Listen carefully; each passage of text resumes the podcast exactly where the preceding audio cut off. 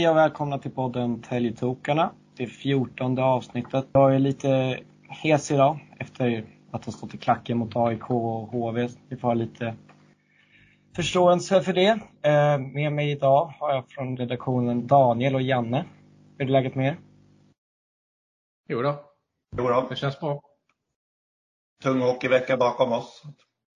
Ja, man har fått bryta ihop och komma igen efter helgen. Som så ofta när man är SSK-are. Det är så livet ser ut för oss. Ja. Ja. Eh, idag har vi en riktig poddexpert med oss. eh, Ingen amatörpoddare. Sanny Lindström, varmt välkommen.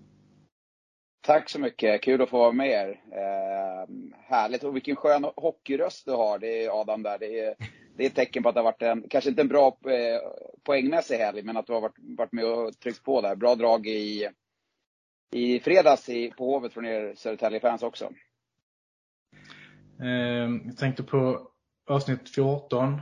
Och det, av en slump så artade det sig som så att eh, nummer 14 är förknippad med en viss eh, SSK-spelare och jag tror du kan svara på den eh, eh, Sanni.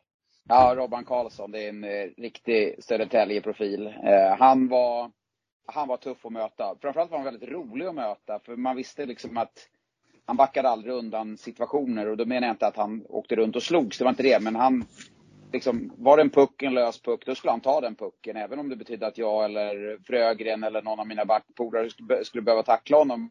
Han, han, han klev aldrig undan och eh, spelade ärligt och tufft. Så vi hade många tuffa och eh, bra dueller genom åren. Eh, Jag minns i något sammanhang du har nämnt att han var stenhård att möta i, i duellerna ute på isen ofta.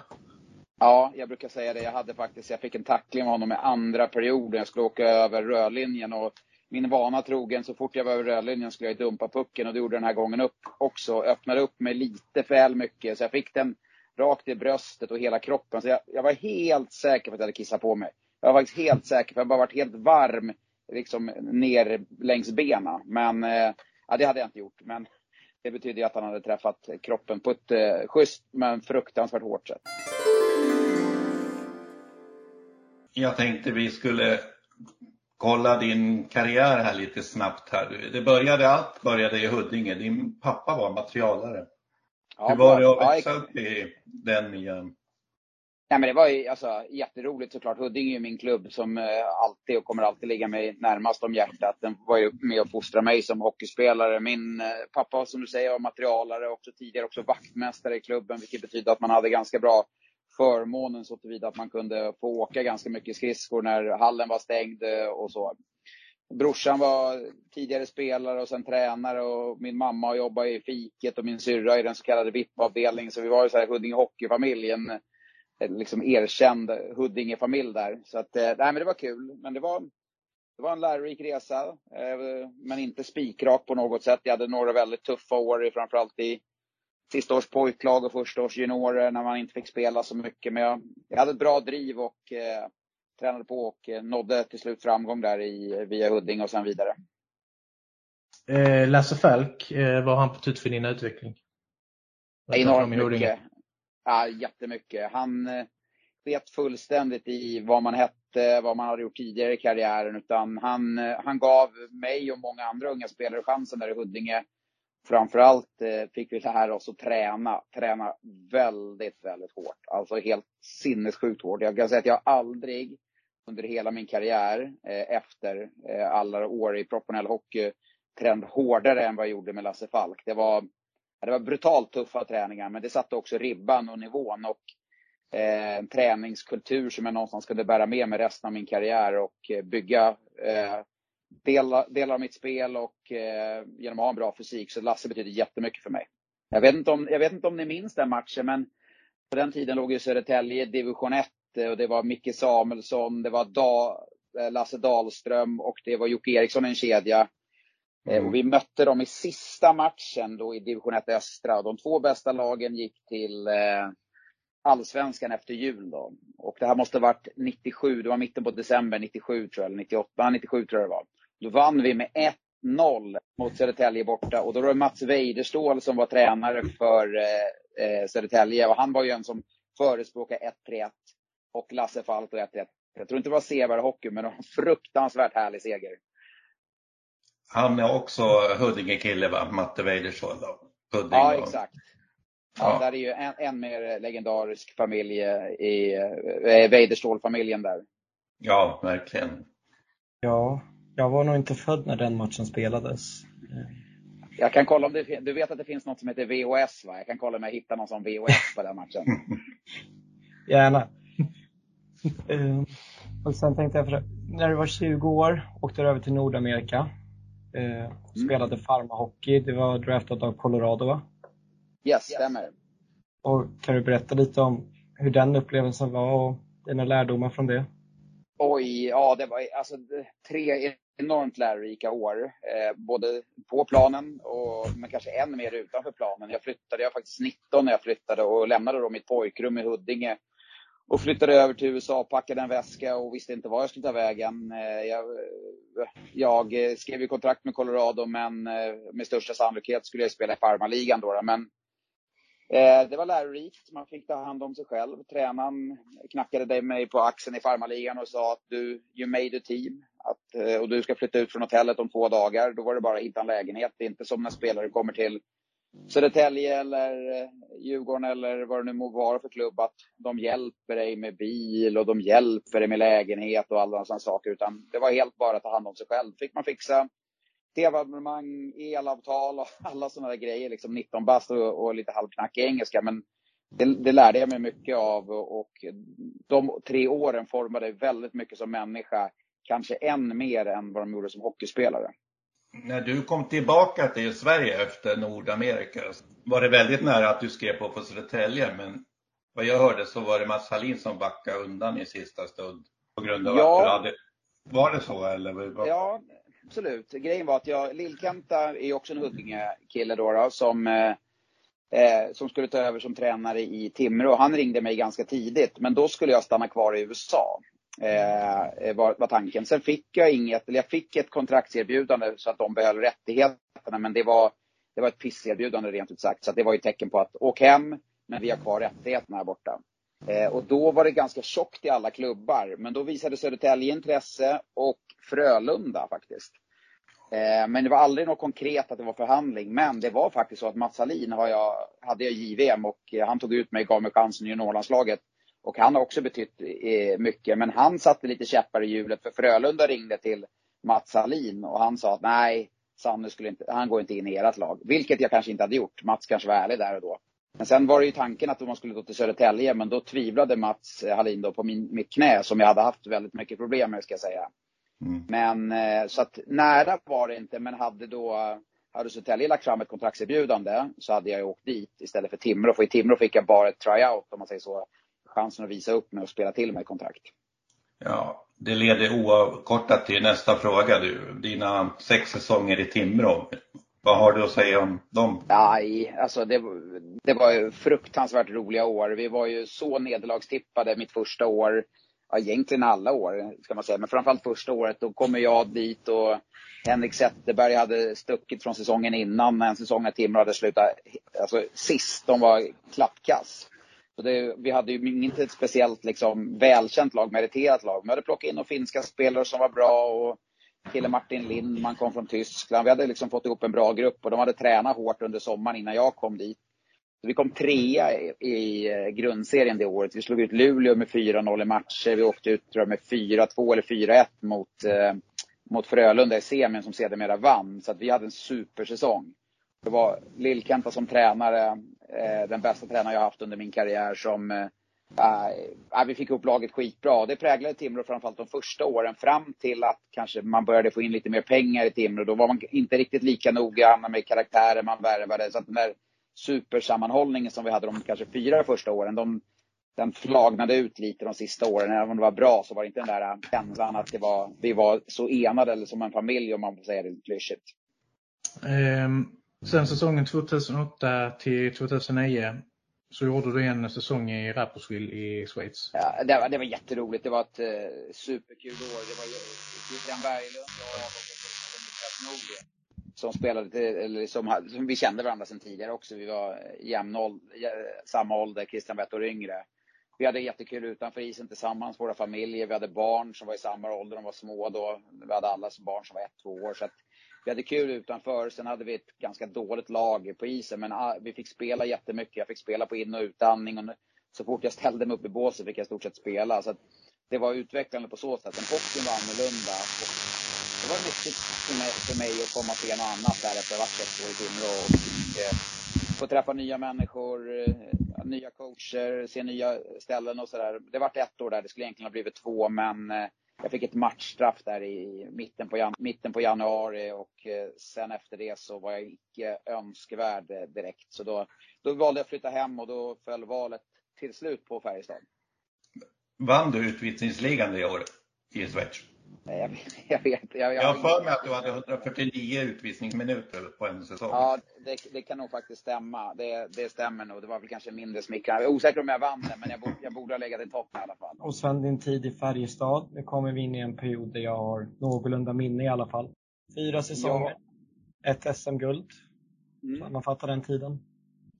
Eh, nej men alltså jag kom ju till Färjestad i ett, efter att de hade vunnit guld 2009. Eh, och på den här tiden, eller på den här tiden, det låter ju som att det är hundra år sedan, men det börjar bli ett tag sedan. Eh, då var Färjestad ändå en, en maktfaktor i svensk hockey. Jag skrev ett fyraårskontrakt med Färjestad.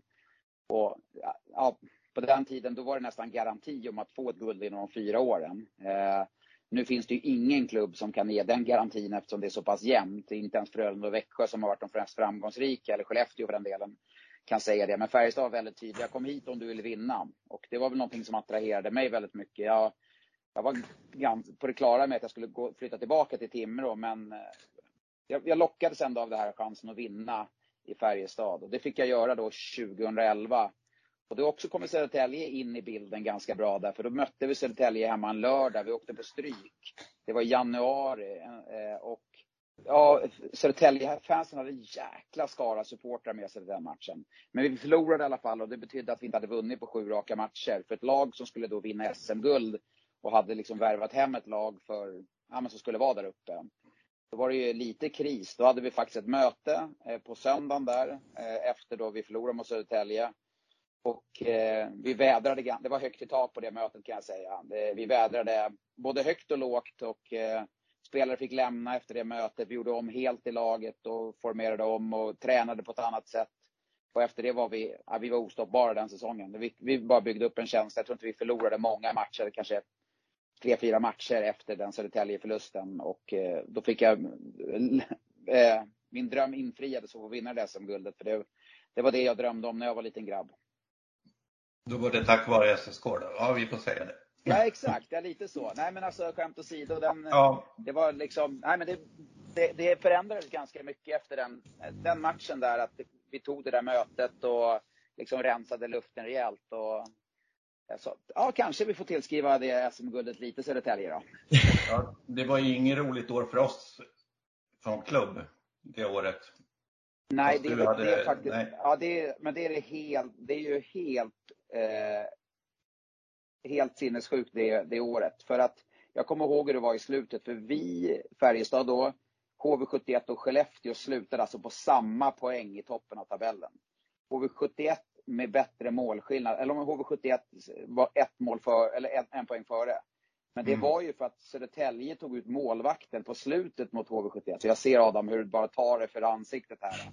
Ja. Eh, nej, Södertälje tog ut målvakten va. Eh, för att de var tvungna att vinna. Och hade de vunnit den matchen så hade, hade fan inte de slutat topp 8. De hade kunnat gå till slutspel. Var det inte så? Jo, jo det var därför vi, de tog ut målvakten för att satsa på slutspel. Ja, på ja, alltså, Just det. Okej, okay. men ha, vadå, ha, om de inte hade tagit ut målvakten, hade de undvikit kval då? Med största sannolikhet. HVs tränare sa efter matchen att han hade tagit ut målvakten om SSK hade varit kyligare. Mm. Okej, okay, och så då, då hade Södertälje, och det var så alltså? Och fy tusan. Och det har, vi fått, det har, det har, vi fått leva med nu i tio år. Ett felbeslut. Ja. Små ja, marginaler. Ja jäklar. Ja, ja, jag, jag, jag kommer ihåg hur det var, för vi kommer ihåg vi kollade på det där efterhand. Liksom. Och de tog ut målvakten. Jag tror till och med Johan Davidsson gjorde mål där. Och Ja, det var han. Ja, vilken säsong. Då säger man att det är en transportsträcka de här 52 eller om det var 55 omgångar då. Men det, det, det, det var det inte direkt. Jag tänkte, du har ju en tuff spelstil och tyvärr så hade du drabbats av många hjärnskakningar och redan som 32-åring så tvingades du lägga av. Ja. Hur ser du tillbaka på den tuffa tiden?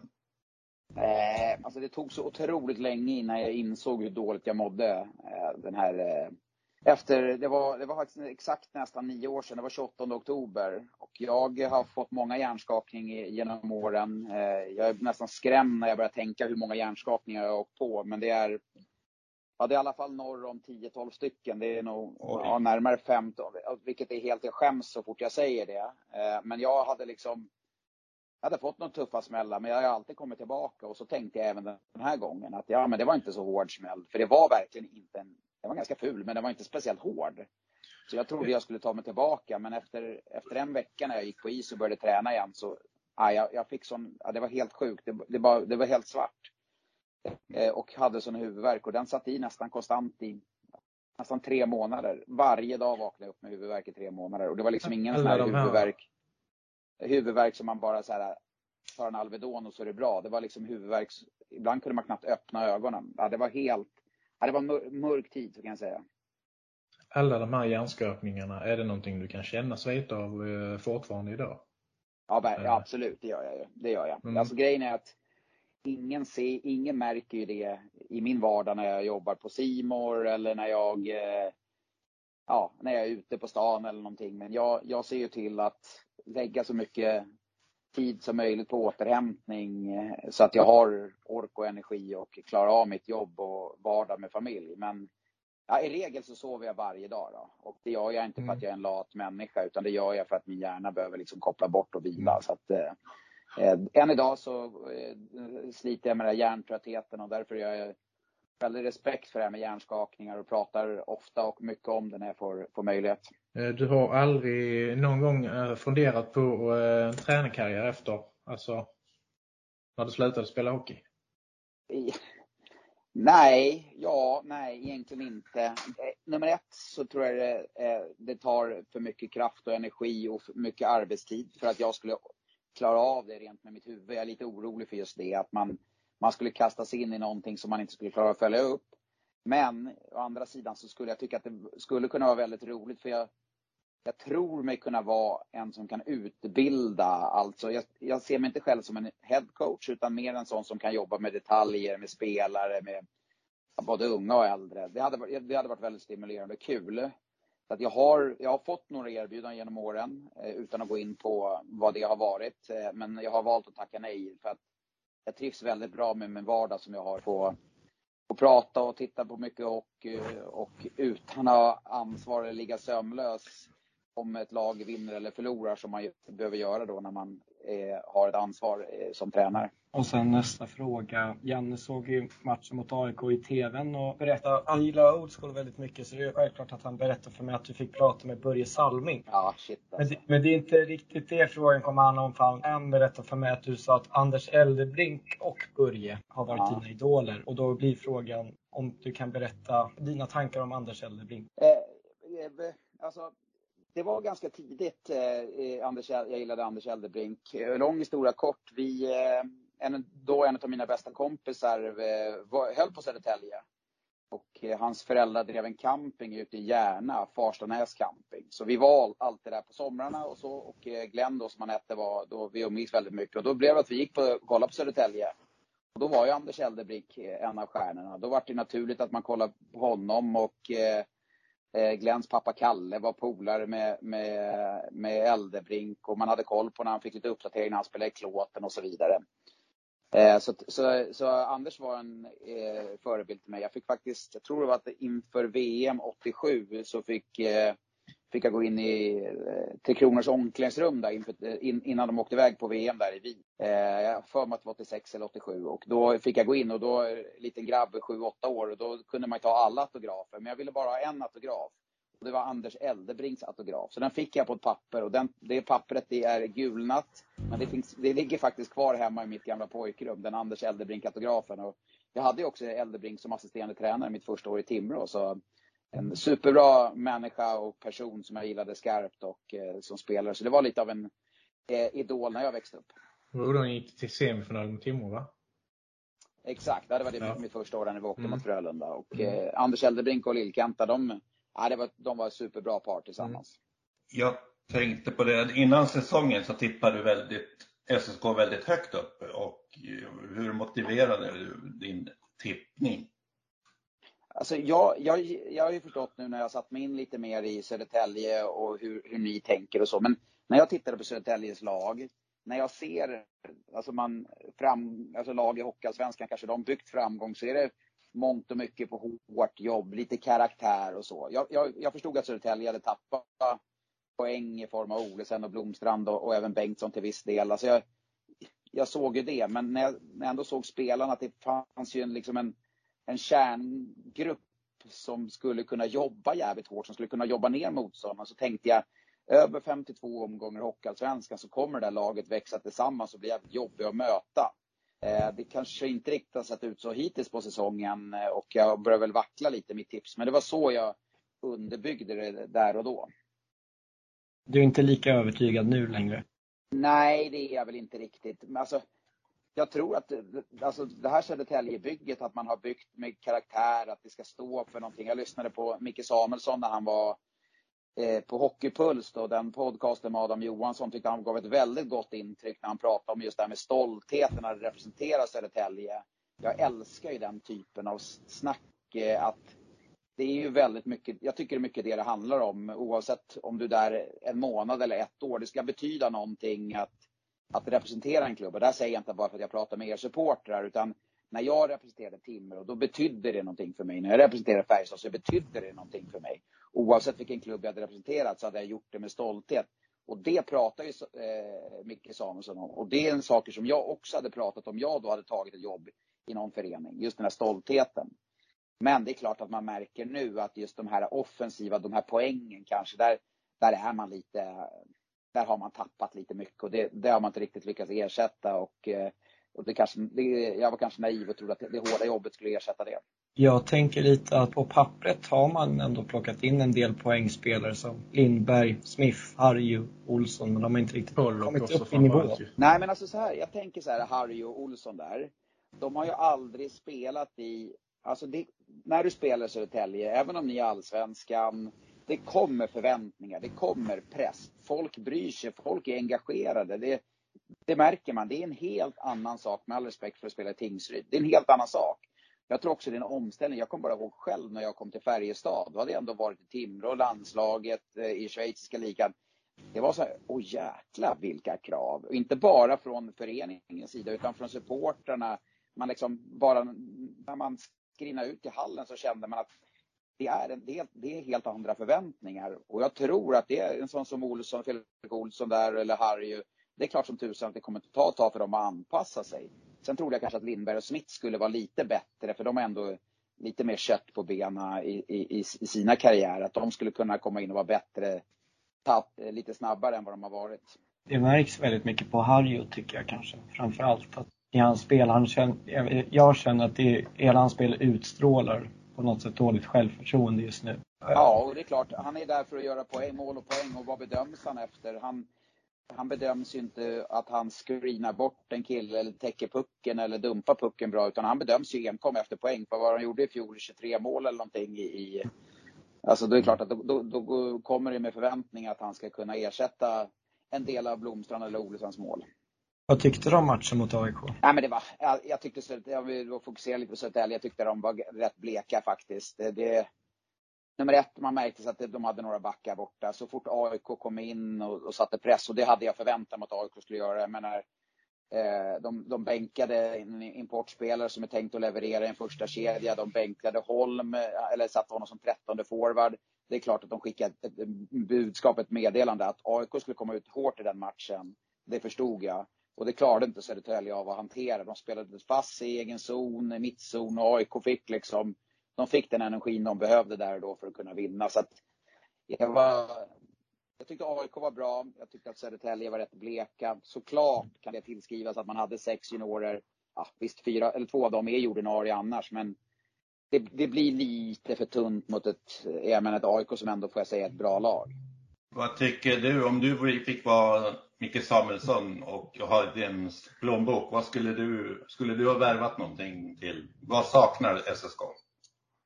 Ja, jag, nummer ett, jag vet ju inte vilken plånbok han har. Eh, Nej, det Micke Samuelsson. Men eh, jag hade väl kanske velat få in någon, någon forward som kan trycka dit puckarna lite. Eh, det hade jag väl velat få in. För att backsidan när de väl får tillbaka Nordsäter och Hjelm efter uppehållet här, då är backsidan ändå okej okay, tycker jag. Det, det, är liksom, med Hockeyallsvenska mått mätt, den är fan rätt okej okay ändå. Det är forwardsmässigt jag skulle vilja få in någon som kan göra lite poäng då. Någon, någon, någon ytterforward kanske där som en, en av toppkedjorna. Mm. Vi, vi känner ju lite här, här att eh, SSK tonar på centersidan. Det har vi väl tyckt redan fattat sen toppcenter egentligen redan från början. Eh, ja, det, ja, tankar om det? Nej, ja, nej men alltså, absolut. Och det är ju, det är ju mångt och mycket, alltså man bygger ju framgångar via en stark centersida. Att man, mm. man har liksom den här centrallinjen då. Eh, så det är klart att en, en, en center, men tittar man idag, vilket lag vill inte ha en center och så kommer ut en center på marknaden. Det är liksom, det, det är huggsex om den, den typen av spelare. Så att jag är lite inne på att när man bygger lag, bygga med en stark centersida och liksom lasta lite mer där redan, mm. redan inför säsongen. För när, om det dyker upp en center under säsongen så, så, mm. så blir den i regel svindyr. Mm. Delar, delar resonemanget. Vi hade ju en plan med Videll och Vandell som skulle återkomma och bilda våran så kallade topline. Mm. Men det blev ju inte av så att det var lite bakslag från ja, början. Nej, nej, och, och Vandells eh, besked kom ju så sent också. Där gick man väl kanske och hoppades hela, hela ja. sommaren kan jag tänka mig. Eller jag vet inte, de, de kanske hade lite eh, kommunikation med honom. Men där, där gick man och hoppades rätt länge. Och det hade ju om han nu hade haft drivet så skulle han kunna göra en eller två bra säsonger i Södertälje. Helt övertygad om det. Videll var ju ganska nära man ska sägas. Uh, att han, det var väl det var väl egentligen alltså till slut att han valde Djurgården men uh, han var väl, det var väl väldigt nära SSK liksom. Både ekonomiskt alltså. Men uh, ja. Han valde väl en högre liga och alltså högre SHL för, för det sportsliga så att säga ja, mm. han känner väl att han har några, några bra år kvar i kroppen och ja, han kanske såg på Södertälje som ett lag att komma dit kanske inte skulle hade möjlighet att gå upp även om han hade kommit dit. Och det är väl det han kanske vill se då om mm. han och Dragan och det här Södertälje-gänget skulle komma hem. Har ni något att tillägga, Daniel och Janne? Nej, väl mer att äntligen är det en här i podden som eh, förstår min skånska. Ja, hur kommer, hur, hur håller, varför håller man på Södertälje om man är från Skåne? Ja, ja det var ju på 80-talet då när jag var, alltså de var ju bra då. Alltså mycket profiler och Anders Eldebrink bland annat som gjorde att man fastnade för laget. Tom, Eklund, satt, eh, Tom Eklund också, det, mm. han, han gillade man ju. Mm. Han var, jag, var, jag var materialare på 80-talet i SSK så att jag känner grabbarna ganska väl. Så att. Ja, det var det? Ja, 85. Jag var med guldåret. Så att... ja, vad, vad coolt. Så det visste jag inte. Vad roligt. Ja, det är väl... jag var bara 15 bast då, så att jag fick hålla tal i bussen också. Så att... Nej, men alltså det, det var rätt naturligt då. Alltså SSK var ett, ett topplag i, i Sverige då. Likadant som Frölunda och Växjö är ett topplag idag så är det väl naturligt att uh, ungarna börjar hålla på, på de lagen. Alltså, det är mycket profiler och sånt också så att det är väl ungefär så man kan säga om hela historien. Jag kommer ihåg en, en spelare, jag gillade Södertälje, men det var något år sedan, det var, måste varit början på 90-talet kan jag tänka mig. Det var ju Otto Harsak. Ja, ja, Otto känner jag. Ja. ja vi, hade var, en, vi, hade en ord, vi hade en ordlista till honom i, i spelartavlan så hade vi gjort lite svenska ord. Då. Det var pinkod och bankomat och bakifrån. Och, det var Okay. Det var riktiga svenska ord. Björn Karlsson, forwarden där i Södertälje. Han var min gympalärare också där. Så han var gympalärare i Kvarnbergsskolan i Hult. Gamla Djurgårdar? Gamla Djurgårdar, ja. Exakt. När du pratar om första näs, kommer du ihåg Linkan, Magnus? Han ägde väl, ja, ja. eller han drev Han är väl, de drev väl ja. fortfarande tror jag. Ja, nej, nu är, det, nu är den campingen såld då. Men eh, ja, nej, han, eh, han var ju där och jobbade lite när jag var, när jag var där med eh, med Glenn då, som, som eh, Lena och Kalles grabb hette där. Ja, är också Huddinge-kille va? Nej. Nej, han, är, han var Huddinge en säsong där, men han var ju utlånad från Södertälje då.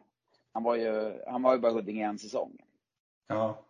ja, vi hade väl en annan målvakt som var duktig. Roffe Vanhanen som var Huddinge.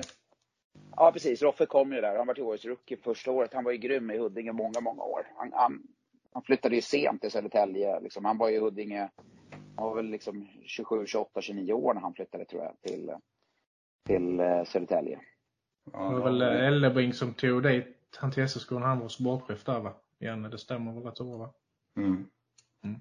Ja, vi har haft många bra Huddinge-profiler i Södertälje. Så att Enroth var väl också en. Ja, verkligen.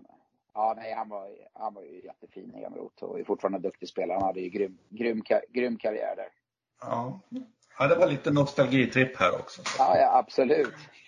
Ja, det, är, det är underbart att och, och prata gamla, gamla hockeyminnen och gam, gamla spelare. Och det var ju, jag mötte ju Södertälje där också med Huddinge. Eh, och det var ju det var också kul och, och när de var, låg i, i division 1 Östra och Hockeyallsvenskan. Det var ju ändå storklubb och ett mäktigt liksom, varumärke. Och det är det som är roligt med Hockeyallsvenskan. Du har ju storklubbar ändå, Löven, Modo, Södertälje, AIK. Det finns ju några till där som är liksom HV71 såklart, som är starka varumärken.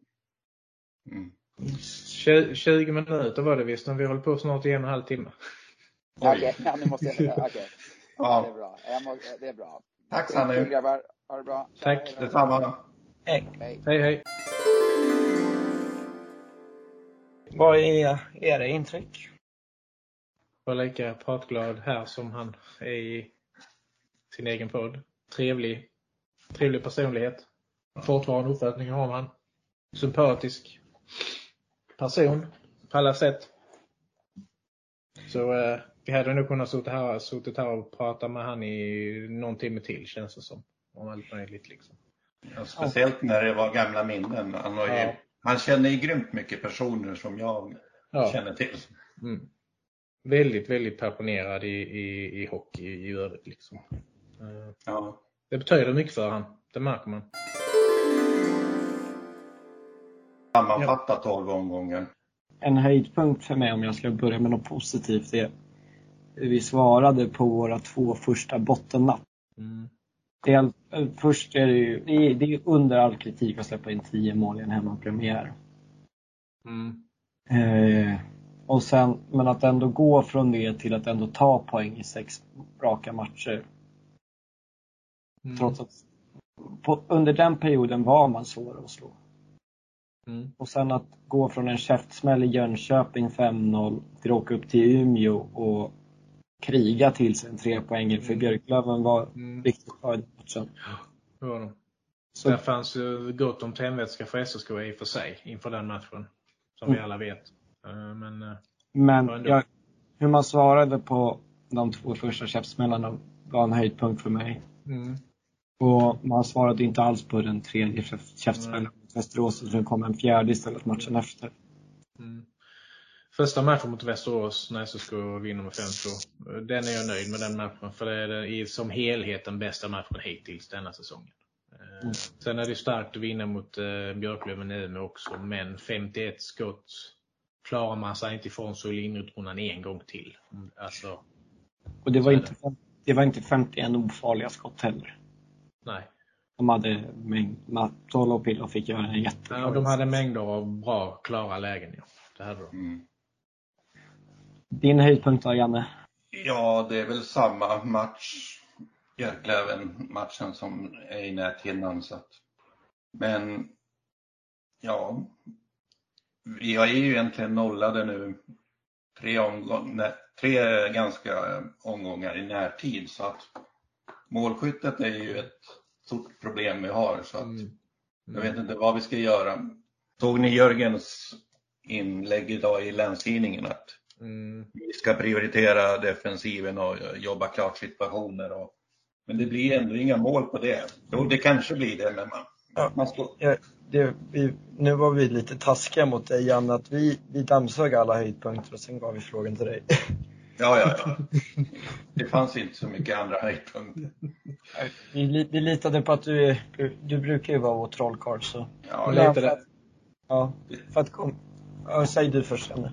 Le- eh, Lite det här med, om vi återgår till eh, Bemströms eh, intervju i Länstidningen så han säger liksom det här lite grann med att han är inte riktigt säker på att spelarna har förstått eller lärt sig systemet riktigt ännu. Sådär. Men jag menar det är ju återigen då måste det vara oerhört stor brist i kombinationen alltså mellan tränare och spelare också. För här kan man liksom inte börja och här kan det inte ha börjat koka i efter 12 omgångar. Liksom. Det, det, det, det går inte att ha några bortförklaringar på det där att, att, man, att alla spelare liksom inte är riktigt med på hur de ska spela. Jag blir inte klok på, på det uttalandet för Nej. då är det illavarslande. Och sen jag, han, om jag kommer ihåg intervjun rätt, han tryckte ganska mycket på att de la ner ett hårt jobb mot HV va? Eller, och jag känner absolut, man gjorde ett jättebra jobb i egen zon och Mm. för första gången på länge gav man inte bort idiotiska ytor i mittzon. Men man, man spelar så jävla bekväm i offensiv zon. Och det är de här spelarna som behöver kliva fram mot ett lag som Mm. har Poll och Smith och Lindberg. Alltså det, det känns som de försöker spela något skönlir. Mm. Slå, liksom så, så här, genomskär, försöker slå genomskär genom HVs försvar. Mm. De har en skicklighet de ska försöka an, utnyttja, men för att göra mål mot HV, då måste vi framförallt göra det jävligt jobbigt för Gunnarsson. Var det inte när Olsson försökte dribbla två spelare på egen blod, det var väl då straffen blev av. Mm. Ja. Då blir man ju rosenrasande skulle jag vilja säga när man ser en sån grej. Liksom. De besluten, de måste väck. Sådana saker måste väck för annars så tar man inte så många. Alltså det, man blir brutalt straffad mot vilket lag den möter i den här serien om man gör sådana grejer. Alltså. Tyvärr. Ja. Det, det, och, men jag är liksom också så här, i, i 6 mot 5. Dels förstår jag inte matchcoachningen, sätta in Pollock och Smith på som skyttar som varit helt, helt iskalla hela jävla matchen. Och liksom Haag var pigg, eh, vad fanns säkert någon Mm. annan efter som var pigg. eh. Sjöberg. Ja, Mm. ja Sjöberg hade kunnat stå där i vänsterskott. Mm. Och, Nu har de ju tydligen kommit så långt så att Harry har börjat, att de har börjat sätta han som point i powerplay med. Alltså, Men det, jag fattar inte vad, vad vi försöker med där 6 mot 5. Vi har pucken. Det är liksom alla möjligheter. In på folk på kassen. Ullman kan lasta. Men vi ska liksom försöka stå och spela fint och vi ska så här, instick på styrning. mm. På, Smith ska passa över. Vad blir det? Åtta, många ut? Elva, Mm. nio utespelare eller vad fan det nu är. Till andra sidan där Pollock står. Alltså, Den, den varianten har ju inte. Vi har inte sen, samt, samtidigt den varianten har motståndarna sett nu att de vet att den kommer. Och då kan man liksom inte köra den hela tiden. Utan då måste man ha mer variation på det också som du säger. Och, och, och, och ibland är det som du säger, de är effektivare och lasta fram folk framför kassen in med puckarna liksom. Det Men kanske tar täcket två gånger men till slut så studsar den rätt och går igenom och studsar rätt. Så, så liksom, Men det är liksom, det är tre pers på kassen. Smith och Pollock, de bara håller i pucken och Ullman Mm. står och en av seriens hårdaste backskott. Sköt inte ett enda skott under, vad var det, en minut, 65. Även om vi har varit lite kritiska mot Holmen eh, nu på säsongen stundtals så är han ju faktiskt han är ju väldigt skicklig på att hålla igång pucken på blålinjen. Liksom. Där, är han, där är han bra. Som du säger också att han har ett bra skott och han, han får oftast dem på kassen när han får möjligheten att lägga in dem där också. Så att, eh, det är med lite resurslöseri ju att inte han kommer till, alltså, kommer till avslut mer därifrån. Ja. Eh, och sen har vi väl två matcher till vi inte har pratat om någonting tidigare i podden och det är ju veckans två andra matcher. Roliga Västerås-matchen och roliga AIK-matchen. Mm.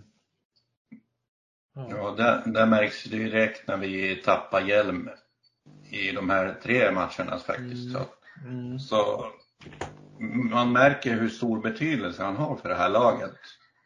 Och framförallt i powerplay och i defensiven. Mm. Så att, Samtidigt ska ju inte allting rasa som det gjorde mot AIK bara för att inte Hjelm han är med. Liksom. Så, så, så mycket ska inte spelet inverka. Visst, han är som du säger, han är betydelsefull med spelet med puck och första pass och bra i powerplay och sånt. Men det ska inte fallera så mycket bara för att han blir skadad. Liksom. För det, det ska finnas plan för det också på något vis. Ja. Eh. Och det är dumt att skylla på Nordsäters skada också när mm. vi har mm. spelat betydligt bättre ja. den här säsongen utan Nordsäter. Mm. Mm. Och ja, jag vågar inte säga det när Sanny var med, men jag håller inte riktigt med honom om att, om att AIK var bra. Jag vet inte hur ni känner. Alltså jag blev inte imponerad. Nej, Nej jag vet inte. Uh, jag blev mer... Jag vet vad jag ska säga. Man, man är mest bara störd på hur SSK uppträder där. Jag, jag la inte så mycket fokus på hur AIK uppträder om jag ska vara riktigt ärlig. Utan jag var mest bara irriterad på hur lättvindigt de fick etablera sitt spel i, i offensiv zon och liksom hur mycket chanser de fick och hur mycket, hur många gånger, gång på gång SSK spelade fasta själva i egen zon och så vidare. Det var mest det som man la fokus på. Eh, det är ju också en del av att de kunde vara så framrika som de var för att SSK de gjorde det väldigt svårt för sig själva också i, i matchen. Um. Ja. Det, jag vet inte, jag först... det, det ska inte kräva det här hårda arbetet vi la ner över i mittzon och i egen zon mot HV. Det ska inte krävas ett välfyllt Scania-rinken för att de ska lägga ner det arbetet. Det ska inte krävas att man möter en stor favorit. Det ska inte krävas två plattmatcher Nej. i förväg för att man ska lägga ner det arbetet. Nej. Jag, jag säger om vi hade spelat, om vi hade lagt ner det jobbet vi la ner mot HV71, mot både Västerås och AIK, då hade vi haft sex poäng den här veckan. Poäng i de, två, poäng i de matcherna åtminstone i alla fall, hade vi haft, ja, skulle jag tro. Ja, jag, jag, jag, jag tror absolut vi skulle ha kunnat ta tre poäng i bägge de matcherna. Ja, det är en gåta att det kan se ut så varannan match. Det är, eller två matcher som det var där på det. Liksom. Det är att det växlar så mycket prestation.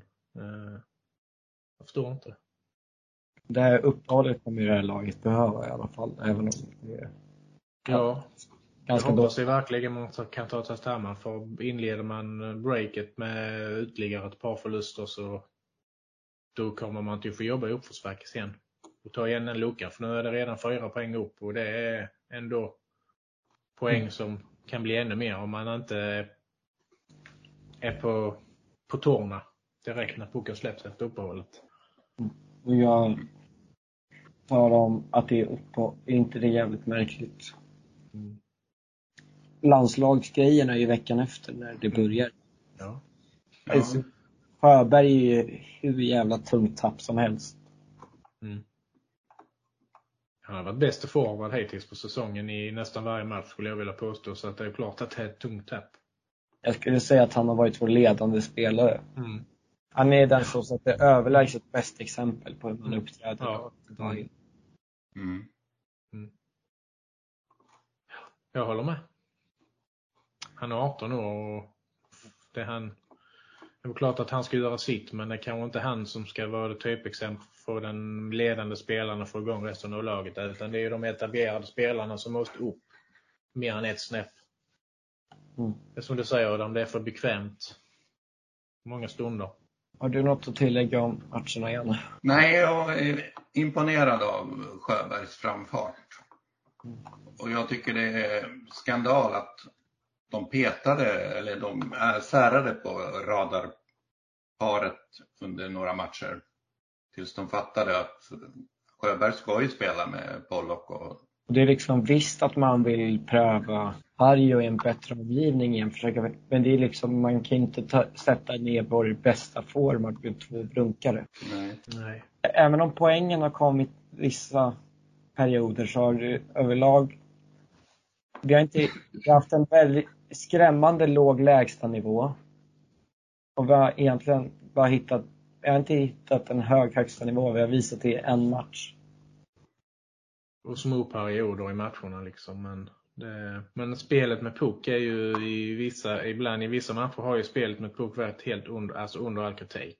Eh, då, då går det ju inte att varken föra matcher eller eh, skapa ett bra anfall för att kommer, första, kommer passningen två meter från blödet eller om det kommer en bra passning så kan inte mottagaren hålla i klubban ordentligt eller ta emot den utan då, då blir det liksom att då ger man momentet till motståndarna hela, hela tiden. Mm. Eh, finns, har SSK, visst vi har Smith, eh, Pollock, men sen utöver det har vi, har SSK tillräckligt med spelskickliga spelare som är tillräckligt bra med puck för, för att spela sånt spel? Eller är det därför de kör den här dump and chase hela, hela tiden? Att de ska lägga in pucken och sen ska två forwards liksom rösa på pucken och vinna den i seriehörnan. Liksom det, det blir ju så sönderläst efter bara några matcher liksom att då vet motståndarna att det är så SHL kommer att uppträda och göra det surt liksom och få motståndarna på det sättet.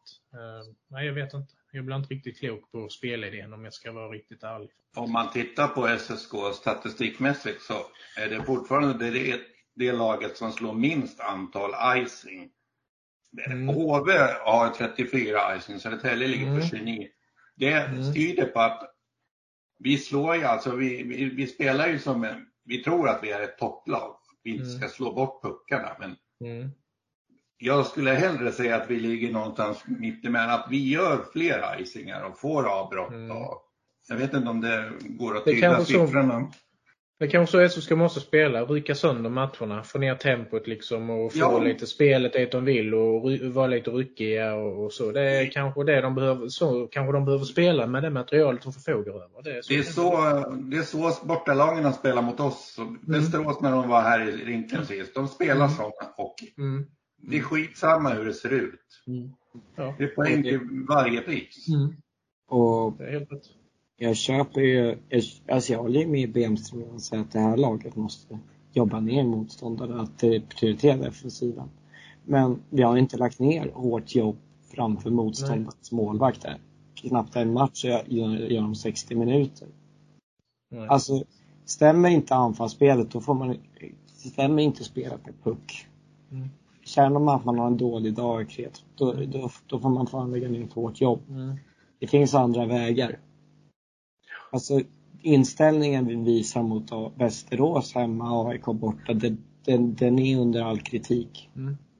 Då, då kan man ju börja ifrågasätta det här med karaktärerna i laget. Det har ju varit så mycket snack om det. Vi ska ha, ha, ha bättre karaktär i laget och så vidare och, och ändra strukturen där liksom inställningsmässigt och sådär. Men då kan man ju ändå ifrågasätta vad är det för karaktärer som har kommit in i laget. Alltså, om det då är en inställningsfråga liksom, då, trodde man lite grann att eh, SSU kommer inte till att vinna varje match men det ska fan mig vara jobbigt att slå dem, alltså att de ska sälja sig dyrt. Men nej, det har löjts med sin frånvaro ibland, det ska jag säga. Vilket defensivt jobb gör Smith och Pollock som inte Blomstrand gör? Ja, jag ser ingen skillnad där. Jag följer alltså, Blomstrand ganska väl på hans i Tjeckien. Mm. det går ju jäkligt bra för honom just nu. Så att... mm. I en bättre liga än Hockeyallsvenskan. Ja.